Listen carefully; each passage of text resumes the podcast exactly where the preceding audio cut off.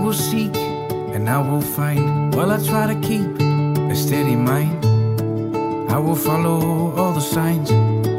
This healing takes time. I will find my way back home. Ik ben Selena van Apeldoorn en je luistert naar de podcastserie Van Hoofd naar Hart. Hoe komt het toch dat zoveel mensen voornamelijk in hun hoofd leven? En dat het zo lastig kan zijn om echt op je gevoel te vertrouwen? In mijn praktijk als lichaamsgericht coach begeleid ik mensen om dichter bij zichzelf te komen. Om meer te gaan leven vanuit ontspanning en vertrouwen, in plaats van steeds maar hard je best doen. Die weg, van hoofd naar hart, is niet altijd even makkelijk. En in deze serie onderzoek ik samen met vakgenoten hoe dat komt. We delen daarbij onze persoonlijke ervaringen, maar geven je ook tips en inzichten voor je dagelijks leven. Find a place called home. Ik ben vandaag in gesprek met Melanie Hulzeggen, haptotherapeut en docent aan de opleiding in Amersfoort voor haptotherapie, Synergos. Wat tof dat ik, eh, dat ik hier mag zijn en Ja. dat we een plekje hebben gevonden waar de audio hopelijk een beetje oké is. Ja. een prachtig oud pand. Ja, het is een beetje altijd, ja. ik vind het al een beetje de koningskamer of de koninginnenkamer. Oh ja, Ja, dus we zitten goed. we zitten helemaal lekker. Ja. ja. Hey, en ehm, ik wilde gelijk maar starten met de vraag waar ik wel vaak eh, de podcast mee begin. Maar de insteek is een beetje dat thema van, van hoofd naar hart, dus van denken naar voelen gaan. En dat er zoveel mensen zich toch herkennen in dat beeld van een wandelend hoofd zijn. Dus wel hier heel erg leven en minder contact met dat lijf. Ja. Herken jij daar ook iets in voor jezelf? Is dat ook waar je vandaan komt, zeg maar? Dus voordat je in dit pad Hmm, terecht kwam? Of... of ik heel erg een wandelend hoofd was. Hmm. Nou, dit is, ik denk niet dat ik daar meteen op aansluit. Ik ken wel dat, eh, wat ik heel goed ken is als ik het wat spannend ga vinden eh, en mijn angst niet zo graag wil voelen, dat ik dan wel wat meer in mijn hoofd schiet. Oké. Dus daarin ken ik het wel. Of meer een beetje dat blackout idee. Hè? Dat ik dan denk, oké, ik moet nu wat zeggen, het moet goed zijn. Oh ja. dus dat gevoel, hè, of dat idee ken ik zeker. Ja. Maar ehm, ik ben denk ik altijd wel wat eh fijn gevoel, ja, dus met mijn lijf en gevoel bezig geweest. Ook als, als jong meisje eigenlijk al. Dat- Ja? Ja, dat mijn moeder altijd al vertelde dat ik dan zei tegen mijn vader van, eh, ja, ben je een beetje verdrietig? En dat mijn vader dan zei, nou ga maar lekker spelen. Hè? Dus het was, werd ook een beetje zo weggeschoven. Maar ik was al jong met dat soort, ja, met die emoties bezig. Dat je die gevoeligheid had. Dat die gevoeligheid Vooral had, ja. voor ja. wat er dan bij een ander Ja, vooral bij een ander eh, aan de hand was. Ja, Hmm. dus die ken ik goed. Oh ja. Daar heb ik goed in getraind. Ja, en, en, en ik blijf even hangen bij hè, en dat werd dan een beetje zo weggemoffeld. Van, Ja. eh, niet, eh, Ja, dat was niet, werd niet op prijs Nee. gesteld door mijn vader. hmm, Die vond het denk ik een beetje spannend dat ik dat zei. hmm. Of wilde er in ieder geval niet aan. Dus ik denk ook misschien dat ik daarom wel die rol als kind al eh, snel heb gepakt om, eh, om dat te benoemen. Omdat nee, er werd niet zoveel mee gedaan of er werd er niet over gesproken. Of, eh, En toen, hoe heb je dat dan gehandeld voor jezelf als kind? Nou, volgens mij ben ik het echt wel. Ik ben eigenlijk altijd wel blijven benoemen. Desondanks dat ik de, een beetje ook de weerstand op kreeg. En, ehm, eh, ik weet dat mijn vader ook op latere leeftijd, zelfs toen ik ging studeren, toen ging ik nog meer vragen stellen. Want ik ging pedagogiek studeren en dan ging het natuurlijk ook allemaal over wie ben je eigenlijk. En nou, dat vond ik dan heerlijk om bij mijn vader hè, het erover gaan hebben van hoe zit dat dan bij jou? En mijn, vader had ook, komt ze weer, komt ze met haar vragen. ja, het was ook een beetje natuurlijk gewoon een manier om contact, eh, echt contact te maken Met hem? met hem. Bij mijn moeder ging dat, die had dat zelf ook wat meer, dus eh, dat ging wat makkelijker. Oh ja. Maar eh, bij hem zeker, ja. Maar mooi dat je daar wel trouw aan bent gebleven. Want dat is knap, hè, als kind. Ik bedoel, als je daar niet echt eh, respons op krijgt. Het is eigenlijk een gebruikelijke re- reactie dat we het dan op een of andere manier afsluiten. Hè, of Ja, ervan weg. ja. Maar dat was blijkbaar niet echt nodig. Nee, en ik heb altijd fijn. wel geloofd in dat, het, dat ik het ook goed had. Hè? Dus dat ik... eh, ehm, ja, het is, het is in die zin is het wel dat je dan... Je krijgt het gesprek niet, dus dat is het lastige erin. Mhm.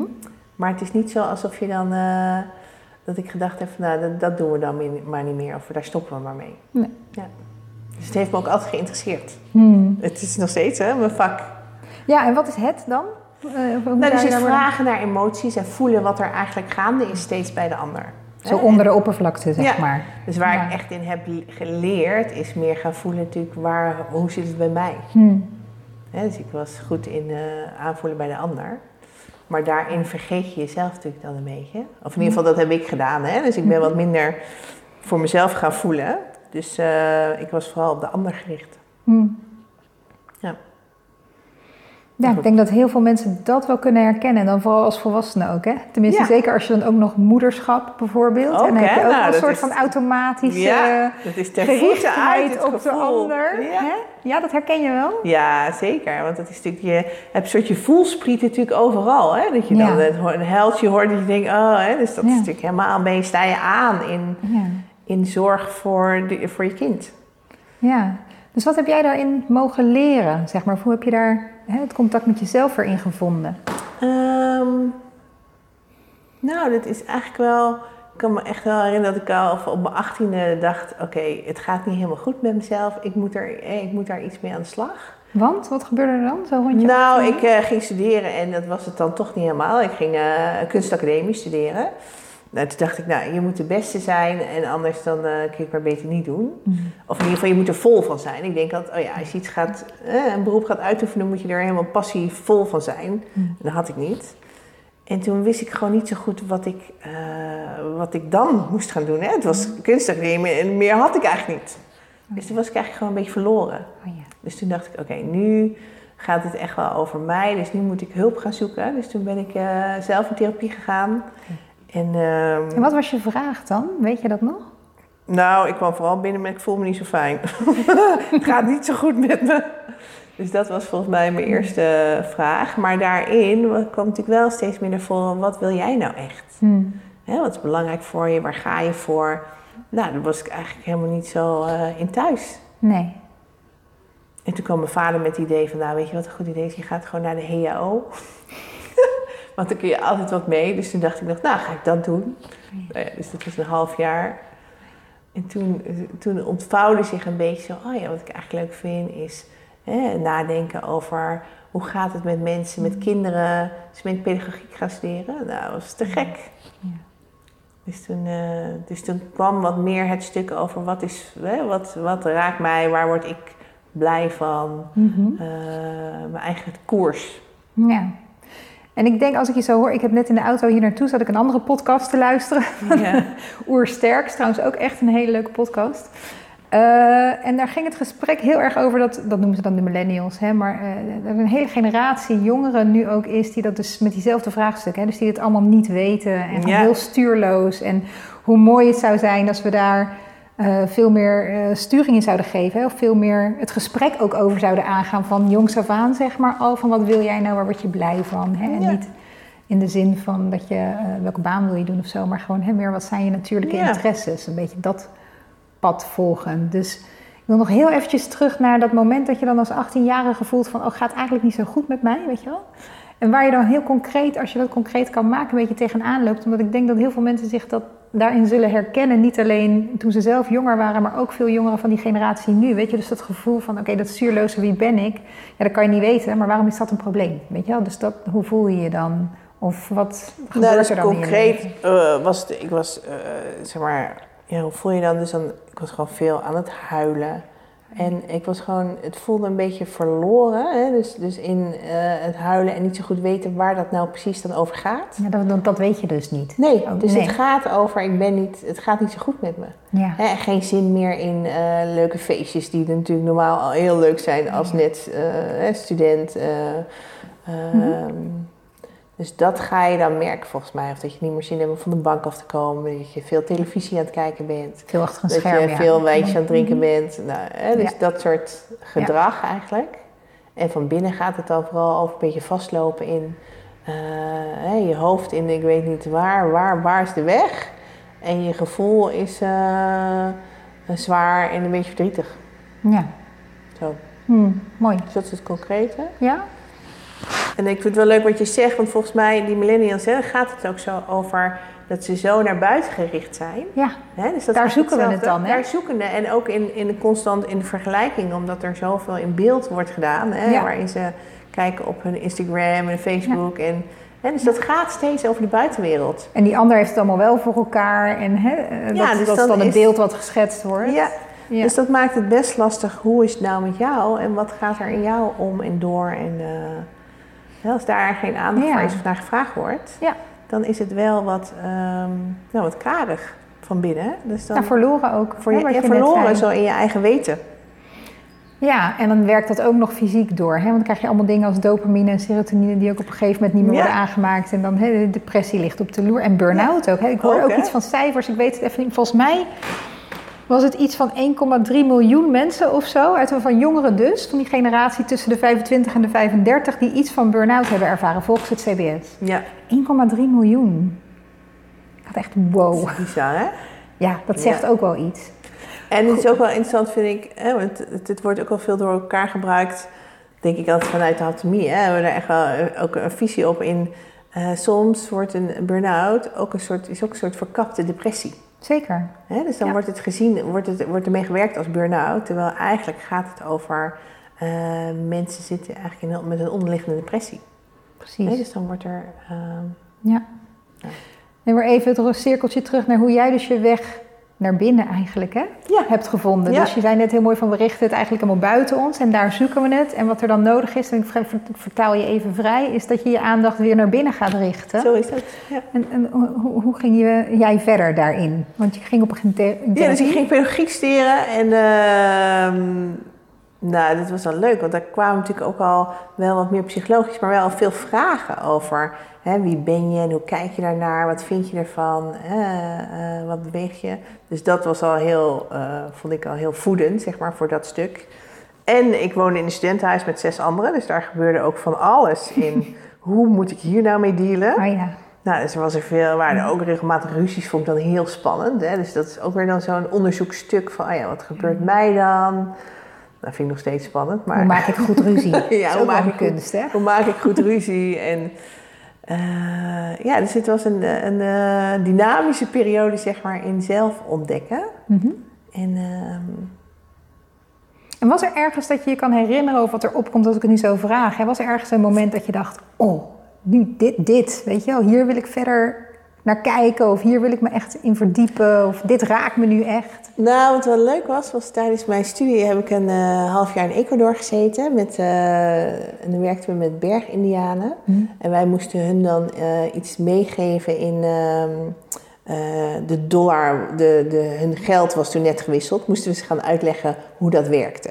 En we moesten ze gaan uitleggen over seksuele voorlichting. Nou ja, wij spraken niet echt heel goed Spaans, maar een beetje. Dus het was allemaal handen-voetenwerk. Maar daardoor kwamen we veel meer op eigenlijk een beetje eh, de gevoelslaag met elkaar terecht. En eh, dus dan zaten die vrouwen zo, moet je je voorstellen, zo in een cirkel hè, met z'n twaalf of zo. En dan zaten ze een beetje wiegend, waren ze aan het breien. En wij zaten daar dan tussen. Dus het werd een soort, alsof het een soort zustergemeenschap werd, die zo'n beetje met elkaar daar eh, nou ja, van elkaar aan het leren was. Maar wij kwamen natuurlijk uit zo'n andere eh, nou ja, context eigenlijk. Dus ik had ook wel eens dat ik dacht, ja, wie heeft nou meer geleerd van wie? Want het was zo gaaf om, zij zaten al op een, een of andere manier zo in hun lijf. Hè, zo in, dat, eh, in de overleefstand en tegelijkertijd gewoon met elkaar hadden ze de steun. Dus het was heel gaaf om, ehm, om daar ook weer zo... En het voelde ook zoals die wat weg naar binnen. Want ja, naar buiten, ja, we konden bij- bijna niet goed communiceren of zo. Ook omdat je die taal dus niet had, letterlijk die taal niet. Had, dus dan, ja. ja, dan is het hoofd al snel de weg kwijt. Dus het was veel met aanraken en met... Ja. En het was, Mooi. ja, het was hele En met elkaar, ervaring. hoor ik en met ook in. elkaar, ja, echt met elkaar. Dus het was ook heel... Dus het ontroert me ook weer als ik het zo vertel. denk ik, ah ja, het was echt eh, een mooie ervaring. En wat raakte jou daarin vooral? Nou, het samen, hè, dus het samen en eh, eigenlijk contact maken op, ander, eh, op een andere manier. Hè? Dus veel meer via de tast en veel meer via eh, het lijf. Hè, dus het was een hele andere manier van met elkaar communiceren. Dus het was toen echt wel een beetje zo. Ik denk dat het daar een beetje geboren is. Oh ja. Dat ik ook zo lijfelijk denk: oh ja, dit is echt wel een ingang voor mij. Oh ja, het interesse echt in dat aanraken ook. Ja, Oh ja, Ja. nu je dit zo vertelt, komt er even bij mij een herinnering op. Vind ik wel even leuk om met je te delen. Eh, 15 jaar geleden of zo was ik in Californië ook bij een. eh, nou, ik wil het geen spirituele gemeenschap noemen, maar zoiets was het wel. Iets van honderd en zoveel mensen uit de hele wereld die eh, daar eh, eh, een maand met elkaar in de bergen zaten onder leiding van een soort goeroe, een Wauw. leerling van Osho nog, uit die stroming. En ik herinner me daar één moment dat we met een stel vrouwen gewoon tussen het programma door zo zaten te lunchen. Zeg maar in de zon, buiten, in het bos. Mm. En, en ik was net door iets heftigs heen gegaan. Ik weet niet meer wat, maar ik had het zwaar gehad. En er werd niks gezegd. Niemand had het erover. Maar ik werd gewoon uitgenodigd door iemand die trok me aan mijn hand om in het midden van die vrouwen te komen te zitten. En mijn hoofd neer te leggen op iemands schoot. En mijn voet bij een ander. En mijn arm bij een ander. En ze waren me gewoon zo'n beetje aan het aaien. Terwijl ze gewoon doorkletsten. Weet je? Dus het leven ging gewoon door. Gewoon dat lunchen en eten en bla bla bla. Maar er was lijfelijk contact met mij, zeg Ja. maar. Hè? Dus, en ik kan me dat zo herinneren. Het gevoel was echt alsof ik in een stopcontact werd gestopt. Ik voelde zoveel energie door dat Ja. Lichaam heen gaan. Echt alsof ik even helemaal kon opladen, uitrusten. Ja. Die, dat soort, ja, in, hè, in het vak noemen we dat dan bedding vinden bij Ja. vrouwen. Dat was mijn eerste ervaring van hoe het is om echt te kunnen leunen Ja. bij anderen. En dan vooral bij andere vrouwen ook. Dat is ook voor mij wel een, een, thema. Zeg maar, Mooi, mijn nou, dat klinkt prachtig. Ja, gaaf hè? Dus ik, ik Het is echt gedragen worden, hè? Ja, de- dat door letterlijk. En ik wist, ik had geen idee wat het was. En ik heb het daarna ook nooit meer op zo'n manier ervaren. Dat was echt wel een hele bijzondere en heftige. Ja. eh, Maar, maar sindsdien weet ik wel waar dat over gaat. Ja, Zeg maar. Dus dan heb je een soort referentiepunt. ja. en ik haak erop aan wat jij net ook zei: van ja, dat samen en dat lijfelijke. Weet je, dat is toch misschien ook wel in onze samenleving. Hè? Dus los van eh, het gezin waar je uitkomt, maar ook wel in de culturele context. Zo, denk hè? ik dan waar wij hier zitten, is daar zo weinig aandacht voor. Herken je dat? Ja, en dat is ook volgens mij, als je het dan hebt over eh, wat ik zelf ken, maar ook wat zo die millennials missen, is zo het ook wat gedragen worden. Hè? Dus Ja. zo de omgeving die ja, een beetje met je meeleeft en steunt en doet en waar hou je mee bezig. En eh, ja, dat, En via het lijf dus. Hè? Want En dat is het lijf, echt niet hè? Hetzelfde andere achter een scherm. ja. Hè, dus wat dat Heel betreft anders. ook die coronatijd, zeg maar, waar we het allemaal hebben gehad, hè, eh, heeft ook zoveel impact ja, op dat stuk. zeker hè. Ja, Dus dat, daarom is er natuurlijk ook nu ook zoveel aan de hand met eh, kinderen, dat ze zich zo alleen zijn gaan voelen. ik denk het ja. Zo teruggetrokken hebben. Ja, precies. Want dat is volgens mij ook wat er steeds gebeurt. hè, als je in de hapstomie kijkt, ook heel erg in, oh ja, hè, dus je Mhm. kan zeg maar je gevoel uitbreiden, dat doen we dan, en je kan je weer terugtrekken op jezelf. Mhm. Die twee bewegingen zijn er al, en de omgeving heeft altijd invloed. Ja, Maar ja, op het moment dat je natuurlijk in je eentje zit, hè, dan heb je wel de, eh, de invloed van het scherm. Maar het letterlijk naar buiten toe voelen, ja, dat is toch wat lastiger naar een scherm toe dan naar mensen om je heen. Hmm. Ja, dus dat is ook waarin je krijgt, oh ja, dan gaan mensen zich iets meer terugtrekken. Nou, En wat je- doet dat dan? Dus als je even, ik vind hem heel interessant, dus ik haak Ja. er even op in. Dus vanuit de haptotherapie, zeg maar, hoe kijk je daar dan naar? Dus op het moment, je kan je voorstellen, hè, als je je iets meer terugtrekt in je lijf. Mhm. Nou, als ik dit nu doe, hè, dan merk ik al meteen, dan wordt ons contact anders. Kun je merken? Mhm. Ja, hè? Dus dan ben je al wat verder weg voor me. Ja. Dus als dat steeds aan de hand is, nou, dat heeft wel effect op je gemoedstoestand. Dus, dus hoe je, kijk, je lijf is gewoon, ge- eh, is, is als het ware ehm, een, een, eh, ja, een soort huis van je emotionele aansturing. Hè? Dus hier gebeurt het overal. Waarin je denken ook natuurlijk meer eh, een rol speelt. Hè? Dus we denken in denken, voelen en handelen. Nou ja, dus als je denken, het gaat natuurlijk aan de haal op het moment dat je je meer terugtrekt. Dus het gaat over, is het allemaal, nou, het gaat over, is het allemaal nog wel leuk? Kan ik het wel? Die anderen allemaal wel? Nou, hè, dus dan Ja, al die kritische spiraal, ook, Al hè? die kritische gedachten, kom je een beetje in zo'n spiraal of Ja. in een soort, of juist in de wat meer slachtoffergedachten. hè, Dus in de, eh, het lukt me allemaal niet, hè, een beetje, dat is zo kritisch, maar Ja. meer in, naar beneden toe in plaats van Mhm. eh, de ander, hè? Meer gericht op jezelf.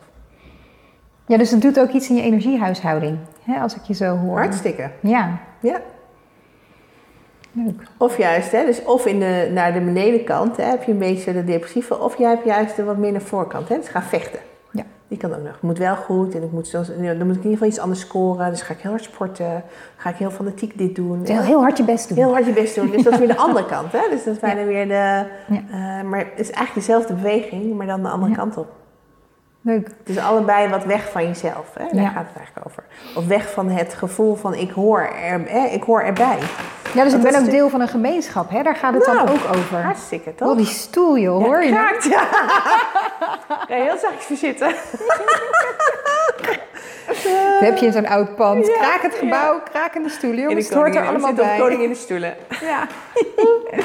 hey, nog even terug naar, eh, naar jouw weg en jouw weg naar binnen dan. Hè? Ja. En, en de balans daartussen vinden. Dus na die ervaring in Ecuador, en toen kwam je terug in Nederland en toen... Ja, en toen ehm, eh, ben ik ge- afgestudeerd en gaan werken. En toen op een gegeven moment las ik eh, een boek over haptotherapie. Toen dacht ik, nou, nou het voelde echt een beetje als thuiskomen. Ik dacht, ja, hier gaat het over. Oh ja.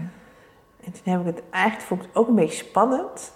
Dus toen heb ik het volgens mij ook een beetje laten liggen. Want ben ik wel naar een open dag geweest. Maar toen dacht ik ook alweer van jeetje, jeetje. Nou, hè, ik was, eh, nou, wat was ik, eh, 24 of zo. Oh ja.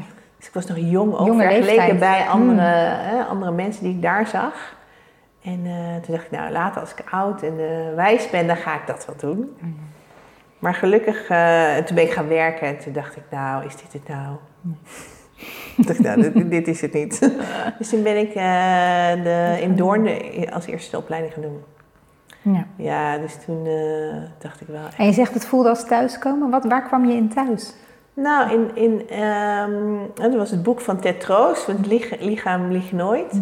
En daar had ik natuurlijk al veel ervaring in opgedaan, in, hè, zoals met mijn vader, en het voelen van, ik weet, ik voel wel wat er aan de hand is. Ja. Dus ik dacht, daar zit voor mij, ja, dat heb ik allemaal niet zo bewust gedacht hoor, toen trouwens. Nee, snap Dat ik. is nu achteraf, maar ik, heb, ik had toen wel een soort weet van ergens van, oh ja, daar moet het voor mij wat meer over gaan. Mhm. Of daar heb ik wel iets in, eh, in te brengen en te halen voor mezelf. Dus zo eh, ben ik ingestapt. Gaaf. Ja, het was echt. Van, hè? Dus het was ook zo. Het is ook zo leuk dat ik ook zo dat woord haptonomie is ook zo mij. Hè? Dus dat ik ook altijd dacht, oh ja, als ze het over haptonomie. En dan hebben ze het over mij, alsof ze mijn Oh ja. naam noemen of zo. Hè? Nou, vertel daar eens wat over. Hoe bedoel je die? Nou, zoals Melanie, hè, dus is het mijn naam. Ja. Maar haptonomie was ook zo'n iets wat bij mij past. Hè? Dus dat is zo ook eh, een deel van mij. Hmm.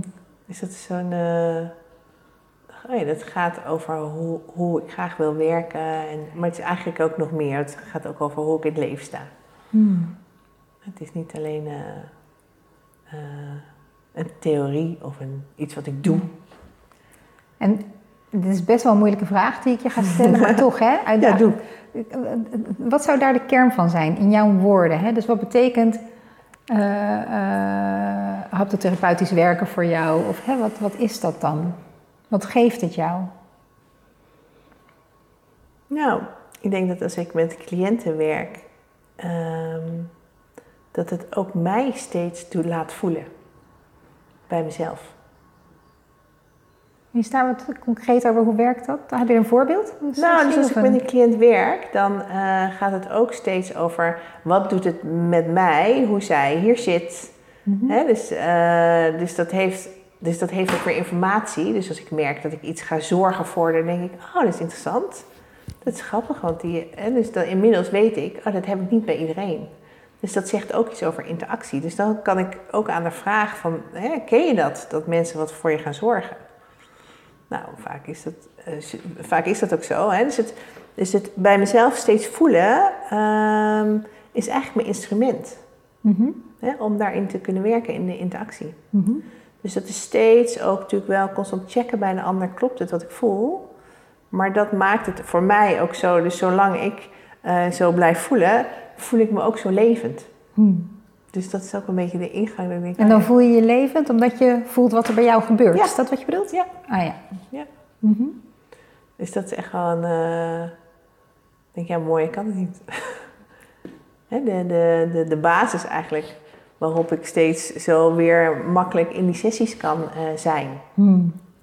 Want als ik ga nadenken, dan wordt het niks. Hè? Nee. Dan, Ja, dus dat vind ik mooi, hè? Dus dat lijf als instrument, herken ik Ja. heel erg. En, de, eh, eh, en wat geeft het jou dan, of wat brengt het jou om het ook, hè, om ook zo te leven, zeg maar. Dus omdat, ik hoor je net zeggen, ik voel me er levend door. Ja, is er nog is meer? Nou, ik denk dat het wel het grootste is. eh, hè, dus dat doet al zoveel. Of hoe vertaalt zich dat dan, zeg maar, in je dagelijks leven? En dit zijn de vragen die ik nu stel, vinden mijn cliënten ook heel irritant. Want ik vraag steeds, maak het eens concreet. ja, snap ik Maar dat snap is wel om het uit het zweverige te halen, Ja. zeg maar. Dat het ook een beetje gaat leven, dat, dat mensen Nou, kijk, er een wat, beeld wat, bij kunnen wat het vormen. zo. ehm, het, het, het gaat eigenlijk over. En niet dat ik niet levend ben gedurende de rest van de dag, hè, zo is het natuurlijk ook. Maar het gaat wel over, het zet wel iets aan. Dus ik kan even weer heel goed voelen hoe het hier bij mij van binnen is. Mhm. En die, dat Dus jezelf goed voelen ook Ja, dus jezelf ook goed Ja. voelen daarin. En dat is niet iets wat ik, eh, waar ik gedurende de dag dan eh, eh, alleen maar mee bezig ben. Dus, het, dus je zou bijna denken, wie betaalt wie nou? Hè? Ja. Voor als sessies. Maar het leuke is wel dat het echt wel gaat over... Ik heb dus daar iets in te bieden ook. Ja, dus het is natuurlijk altijd dienend voor de cliënten daarin. En het, het brengt mij daarin ook eh, dat deel. En het gaat ook steeds weer over. Kijk, leuke is, vind ik, als mensen dingen vertellen, dat raakt mij soms ook in thema's. En als ik ga merken van, oh, dat raakt me meer dan dat nu eh, eh, eh, op, op zijn plek zou zijn met die cliënt, dan denk ik, oké, ik heb nog hier echt wel wat werk in te doen. Hmm. Dus daar moet ik dan gewoon zelf mee aan de slag. Ja, dus wat ik hoor, zeg maar zeggen het het niet klopt, hè, maar dat het jou dus ook meer in contact met jezelf brengt weer. Wel, ja. En ook weer haakjes geeft voor je eigen pad, om dat Zo, hè? verder uit te werken. Ja. Ja. Of als ik merk waar ik het dan eh, heel spannend ga vinden. Of Mm. eh, ja, dat zijn allemaal weer soort verkenningen ook van de, Mm. hè, vanuit mijn eigen gevoelsstromen. Van, oh ja, oh jeetje, hè, hier durf ik het aan of niet. Mm. Dus het gaat ook steeds over nog eh, de uitdaging aangaan. Of kan ik er, en kan ik er dan bij blijven? Hè? Of vind ik het te spannend? Ja, Dus leuk. het is ook zo lerend. Hè? Dus Mm. het is levend en lerend daarin. Ja, want waar loop je dan zo al nog, nu nog tegenaan in sessies? Nee, Wat, niks eh, meer. Nee. Nee. ik ben helemaal af en zen. Nee. Maar heb je een voorbeeld? Want dit is wel leuk om Ja, concreet te maken. Ja. Dus ik zit even te denken. ehm, even een concreet voorbeeld van een cliënt. Ehm, hmm, nou, bijvoorbeeld eh, gisteren had ik ehm, iemand en die vertelt dan over de zwaarte van het leven, of van haar leven. En dan kan ik er zo in mee. En dan, hè, dan kan ik ook zo voelen in haar lijf dat het zo vast ook zit in delen. Dus dan ga ik met haar daarmee aan de slag. Maar dan kom ik bij mezelf ook wel bij een stukje wat ik ken van zwaarte. En denk ik, oh ja, pff. Hè, zo dat, het gaat ook zo over dat wat eenzame en het alleen moeten doen. Dus dat is ook dat stuk van vroeger. Dus dat voelt natuurlijk ook wat alleen. En dan denk ik, oh ja, dit is ook goed om hier nog echt... Hè, hier, dit is nog een thema wat, wat, wat ik echt al, al lang ken, maar Want wat is dat thema dan waar je geraakt werd? dus dat gaat alleen over het alleen moeten doen en, het, eh, en daar wat eh, hard in werkt. Dus het is wat zware. Mhm. Dus dat is, ehm, ja, dat is wel iets wat ik goed ken. Hmm. Dus om zo gedragen te worden en wat steun te vragen, dat is zeker niet mijn eerste beweging. Dus Nee. denk oh ja, dus dat, dat wordt dan echt geraakt. Dus dan kan ik ook voelen dat, eh, dat er, wij spreken, eh, dat ik wel zo natte ogen krijg. En ik denk nog wel van, oh ja, ik, hè, nu is niet mijn tijd om hier te gaan zitten janken. Maar ehm, ik voel wel hoe het, hoe het raakt, zeg maar. Dat het meer Mm. is dan alleen in contact met die cliënt. En hoe ga je daar dan mee om? Nou, dus ik kan wel dat stukje voelen bij mezelf en denk, oh ja, dat is er. Dus ik ben er wel, ik probeer er dan wat zacht voor te zijn, zonder dat ik, eh hè, het is niet, oh, dat kan nu niet opzij. Dus ik doe het een beetje zacht en dan ga, kan ik weer terug naar haar. En laat je het wel zien, je geraaktheid? Ja, Ja. die kant kom ik niet aan. Ja, toch? Nee. Het is in mijn ervaring juist ook het moment waarop, je, waarop de verbinding nog wat hechter wordt. Juist omdat Echt iemand wel? zich ook zo gezien voelt. Hè, En zo, zo gekend voelt Ja. Herken je dat ook? Ja. Als je dat laat zien? Ja, Juist? zeker. En ik zeg ook altijd van, oh, het raakt mij ook echt. Ja. Hè, Of, ik, of ik herken, ik zeg ook wel, ik herken hier iets in. Mhm. Of, eh, ja, Het is ook wel mooi als dat dan ook mag. Hè? Tenminste, dat is ook vaak voor cliënten die bij mij komen, voor mezelf ook oudste, dat emoties er dus mogen zijn, ook van jou als therapeut, zeg Ja. maar. Hè? En, en, dat emoties eigenlijk ook gewoon dat vragen om Ja. gezien en erkend te worden. Precies, hè? In plaats van opgelost. En, Ja. nou ja, dat En ik stukje. doe ook wel eens, dan, dus het helpt, me, dan- helpt mij dan ook wel eens van ja, zullen we dan nu even omdraaien?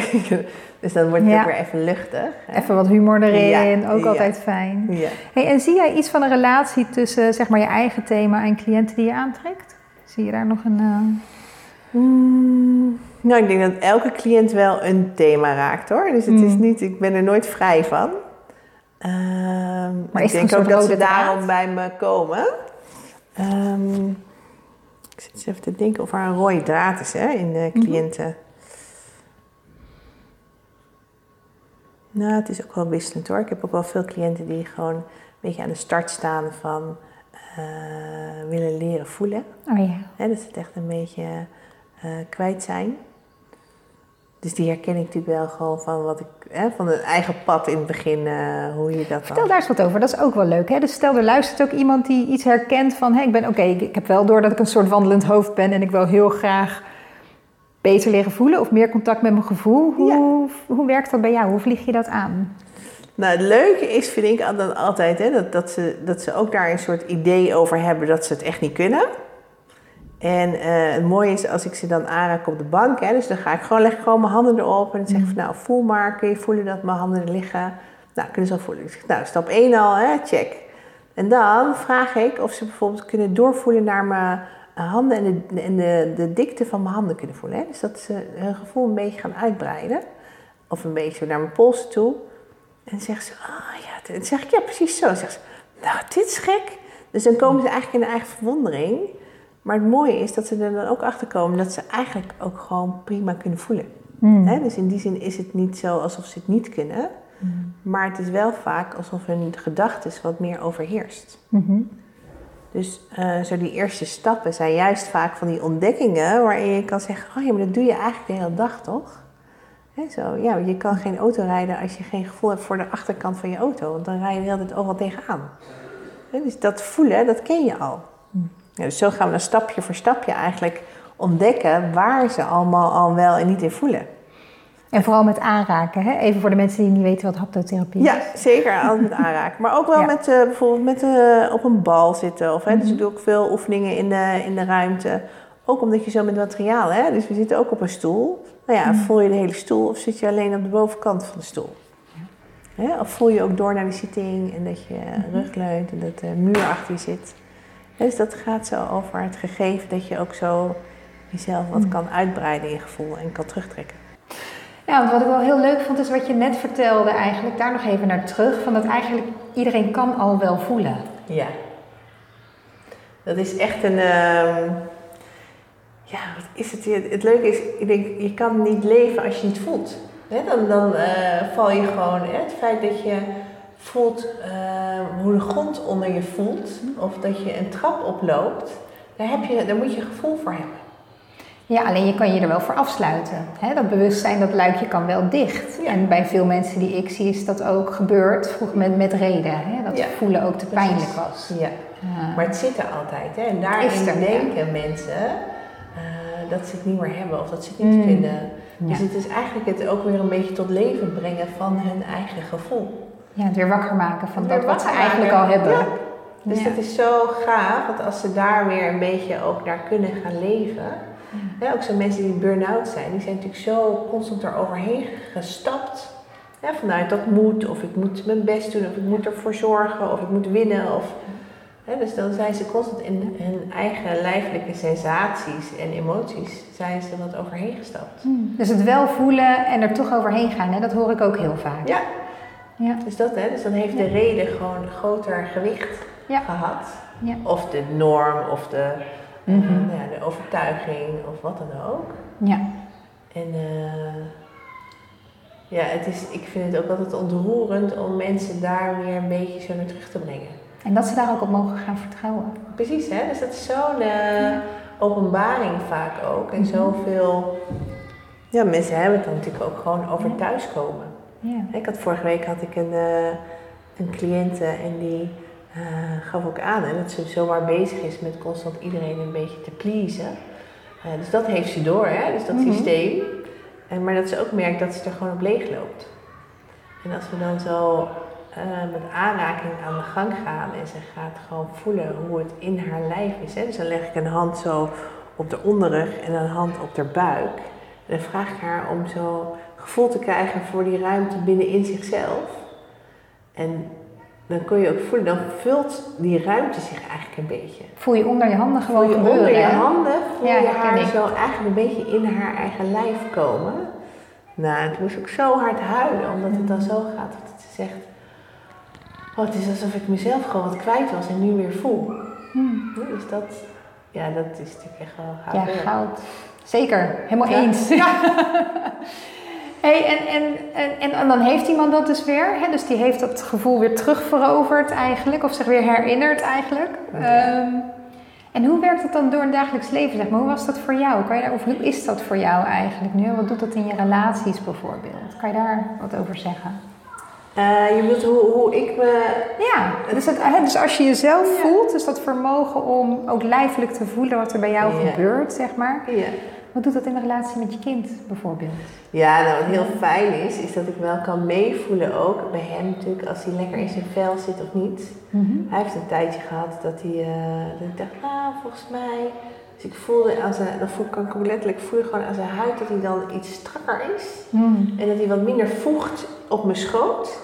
Dus alsof hij dan een beetje gespannen is. Zich bijeenhoudt. Is zich een beetje inhoudt. En toen dacht ik, wat is er nou toch aan de hand? En toen bleek dat zijn eh, beste vriendje niet, met hem, eh, niet meer met hem wilde spelen. Nou, natuurlijk, dat is pijnlijk voor maar goed, dat gebeurt natuurlijk. Dus dacht ik, oh ja, dus dat... En dus dan voel ik al, er is iets aan de hand en dan duurt het even. Want als ik dan zeg, is er iets? Dan zegt hij, nee, dat gaat Tuurlijk, goed, hè? ja. Dus dan denk ik, oh ja, maar dan moet ik me even de tijd geven Hmm. om te kijken van, oh ja, wat is er gaande in zijn leven? Hmm. Dus dat is, eh, denk ik, nou, daar ben ik wel dankbaar voor dat ik het eh, kan voelen. Een soort zesde zintuig.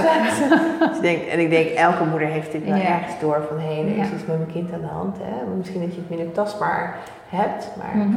het is wel zo'n... ehm, Extra bron van informatie eigenlijk. Hè? Ja. Nou, en met vriendinnen ook, maar dan gaat het niet zozeer over dan zozeer dat ik bij hen iets moet voelen, hè? want het is Mm. geen therapiesessie. Maar wel, dan gaat het wel veel meer over dat ik eh, ze kan delen in wat er bij mij gebeurt. Hmm. En dat is dan eh, waarin het verdiept in de relatie. Hmm. Als je dat inbrengt. Ja, Kan ook wel spannend zijn, tenminste Echt in wel. mijn ervaring. Dan denk ik ook Ja. echt van, oh, ik, nu trigger ik echt. ja, Ga ik er nou wel of niet wat over zeggen? En, Ja. herken je die? ja zeker. Ah ja. Hè, soms vind ik het zelf ook spannend om in te brengen, hè? zeker als, als de relatie nog niet zo verdiepend is. Hmm. Ja, dan is het ook een beetje eh, aftasten van, nou, wordt, dit, wordt hierop ingegaan of eh, Ja. wordt dit nou, een beetje zo Oh, ja. eroverheen. eh. Ja, maar mensen moeten het ook net maar kunnen horen, hè? Zo is dat, hè? Niet iedereen zit te wachten op verdieping. Nee, maar daar kies je je vrienden dan ook wel een beetje op uit, denk ik. En ik her- voor mij, ik herken meer dat ik het heel spannend vind, juist als de relatie al heel verdiepend is, want dan heb ik meer te verliezen. Oh ja. Weet je wel? Dus als ik dan iets zeg van, oh, maar dit vind ik eigenlijk niet fijn, of hier merk ik dat ik me terugtrek, dus kijken wat er gebeurt en er komt afwijzing op, of iemand, hè, Oh, ik trigger in, die vind ik veel enger. Oh ja. Die komt heftiger binnen, Ja, zeg maar. ja. Maar ook daarin, inderdaad, dat het lichaam steeds zo die informatie geeft, wat eigenlijk jouw beleving is van het moment. Hè? Zo, Dat is dan weer wat anders dan de waarheid. Ja, ja nou, zo Hè? Maar, maar jouw beleving van, goh, wat gebeurt er nu in dit contact? Het gaat natuurlijk ook over jouw geschiedenis die daarin Zeker, wat wordt geraakt Ja, en niet. ja, Ja, mooi. Verrijkend ook, hè? om dat lichaam als kompas ook echt te leren gebruiken. echt wel. En ik denk ook, hè, ik, ben, ik heb nu natuurlijk een, een weg ingeslagen en ben daarin op weg. Hmm, nooit ik af. denk nooit af, nee. Wat is jouw volgende Dus ik stap? Wat is het volgende zo- wat je wil leren? Dat komt gelijk in me op als je dit zegt. Ah ja. Ja. Nou, wat ik wel echt heel gaaf zou vinden, hè, dus ik werk nu ook met groepen. Hè, zoals ik eh Ja. les geef, en ben ik al een tijdje in bezig. Maar om eh, zo'n, dus het gevoel te hebben, en dat is eigenlijk een beetje wel her- herkenbaar zoals met die vrouwen in Ecuador, Mhm. is dat je met zo'n hele groep kan gaan bewegen. Ah ja. Hè, dus dat ik kan inzitten. Dus dat is eigenlijk nu zo waar ik in zit. Van, oh, dus ik heb nu wel door. Maar is- de luisteraars zien je handen niet, maar het is zo mooi. Ze heeft haar handen ook zo uit, hè, zo omvattend. Ja, omvattend zo met de groep. Dus dat je Ja. met de groep mee kan, ze in beweging kan zetten. Of kan, hè, dus, dus zo dat. ehm, Ik heb dat beeld van die Hindoestaanse godin voor me, weet je, met die, al die armen. Oh ja, dat beeld zo bedoel? Zo helemaal, ja. Die energie van, hè, dat woord wat ze in het Engels zo mooi daarvoor hebben is holding space. Oh ja, precies. Zeg maar, hè, dus de- dus dat je de ruimte bedding bieden. De bedding bieden, maar dat zij zeg maar in gang kunnen gaan. En dat ik zo Ja. kan kijken van, ah ja. En dat ik daar onderdeel van ben. Hè? Van, en, en, nou, dat En wat- zou echt wel een volgende stap zijn waarvan ik denk, nou, nu eh, wil ik graag leren. En wat heb jij daarin dan, denk je, te, te ontdekken of te overwinnen of los te laten? Of, Ja, het gaat hè, vooral over een stukje loslaten. Hè? Dus het is wat loslaten Mm. van het sturen en wat meer eh, in het laten ontstaan ook van waar de groep zich beweegt. En daar wel steeds, kijk, en waar het ook over gaat is wat kan ik wel inzetten wat ze in beweging kan brengen. Wat heb je daarvoor nodig, denk je? Ja, jeetje. Ja. Ja, daar ben ik nog naar op zoek. Nou, wat er bij mij opkomt, Ja. maar check, hè, is gewoon nog meer vertrouwen. Ah, ja. En dat het zich wel ontvouwt. En dat jij op dat moment ook wel... Weet heb, hè? Dus dat is ook zeker Zonder, dus weet niet vanuit dat hoofd, Ja. hè, maar meer vanuit dat gevoel. Is dat een beetje, denk je, klopt dat? Ja, hoe doe je dat dan, hè? Dus dat is dan het interessante. Dat meer vertrouwen. Ja. Ja, wat maakt dat je nu nog, hè, waar zit de twijfel? Wat, waar, wanneer merk je dat je twijfelt? Waar twijfel je nog aan daarin? Wat kom je tegen?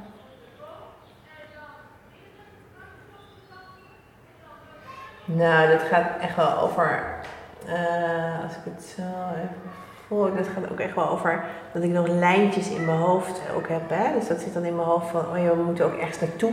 Hè? Dus daarin kom ik al in een richting. Hm. Dus dat is dan wat meer vooruit dan dat het eh, op de plek is. Hm. Meer in het nu nog? Ja, dus het gaat veel meer over nu en over eh, dat, het, dat het wel komt. Hè? Dus ik denk veel meer, ik moet nog aan de slag.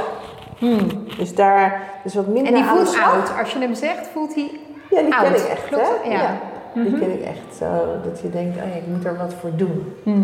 Het is nooit zomaar aanwezig. Mhm. Ja, en met dat je dat herkent, is- ontvouwt zich eigenlijk ook al wat er dan nodig is, toch? Ja, ja. Want, wat voel je dan nu als ik dat zo zeg? Nou, dus dan kan ik zo voelen van, ah ja, dus als ik zo hierin bij mezelf kan blijven, dan hoef ik niet zo aan de slag. Het is al goed genoeg, dat is het eigenlijk. Ja, en volgens mij zit het dan ook heel erg in herkennen dat het gebeurt. Hè? Dus dat hij opkomt en dat die neiging er is. En ook voelen hoe die fysiek is. En je Ja. verstrakt een beetje. Als die, Ja. hè, dus je, je gezicht wordt wat strakker, energie gaat een beetje omhoog. Ja. En gewoon alleen maar dat herkennen en dan denken, oh ja, even uitademen. Ja. ja. Dat is leuk, ik denk dan meteen, ja, maar ik zit wel voor een groep. Oh ja. Dus dat doet, dus dat doet meteen wat. Dus Ja. het, heeft ook, het is ook misschien, eh, in die zin is het, gaat het ook nog over. ehm dat zit nu zo te voelen van, ah, het gaat ook over met de groep zijn. Ah, Daar gaat het ook nog over. dat jij ook deel bent van de Dat ik groep. ook deel ben van de groep. Hmm. Dat ik niet sta, hè, eruit sta als docent, maar dat ik meer, nog meer onderdeel ben van de groep. Ja. Wat voel je als je dat zegt? Nou, dan word ik wel, krijg ik van die brede beelden. Oh Ik denk, ah ja, dus dat is meer die beweging ook. Hè? Het wat meer groter, ronder, met hen. Dus dan Mm. ben ik meer het dragende vlak dan dat ik eh, eh, het het aangevende vlak ben. En zit het ook in jezelf dan wat meer inbrengen? Jezelf wat meer laten zien? Ja, dus dat gaat Ja, die voel ik bij. Ja. Daar zit dan ook nog een beetje dat spannende. spannend, hè? Ja. Zeker. Ja. Leuk, ik herken hem wel hoor. Dus Ja. dat is ook voor goed, maar leuk. Zeker in zo'n groep, hè? Ja is joh, anders nee, dan. vreselijk. Van groep altijd doodeng. Eén op één helemaal prima. Ja, altijd gehad. Ik had altijd één op één vriendinnetjes ook vroeger, Oh, weet je. En een groep is echt huh, heel eng. Dus ik, ik spreek vanuit ervaring. Maar leuk.